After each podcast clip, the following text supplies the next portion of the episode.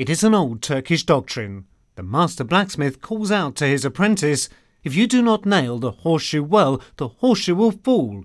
If it falls, it will be thrown and broken. If the horse's leg is broken, the rider falls. That person can be a commander. If the leader falls, the war could be lost. If the war is lost, the state collapses. The chain of events from a nail to the collapse of a state reveals that a small initial factor can inevitably have major consequences. We are passing through a period in which this theory comes to life in practice. If we are lucky, the world will soon get over this powerful virus. But real recovery will take years and ripple effects will be seismic. Every garbage we leave to nature as humans and individuals, every waste we recycle, every decision we make is an attractor in the chaos theorem. It has the importance to trigger changes that you cannot predict.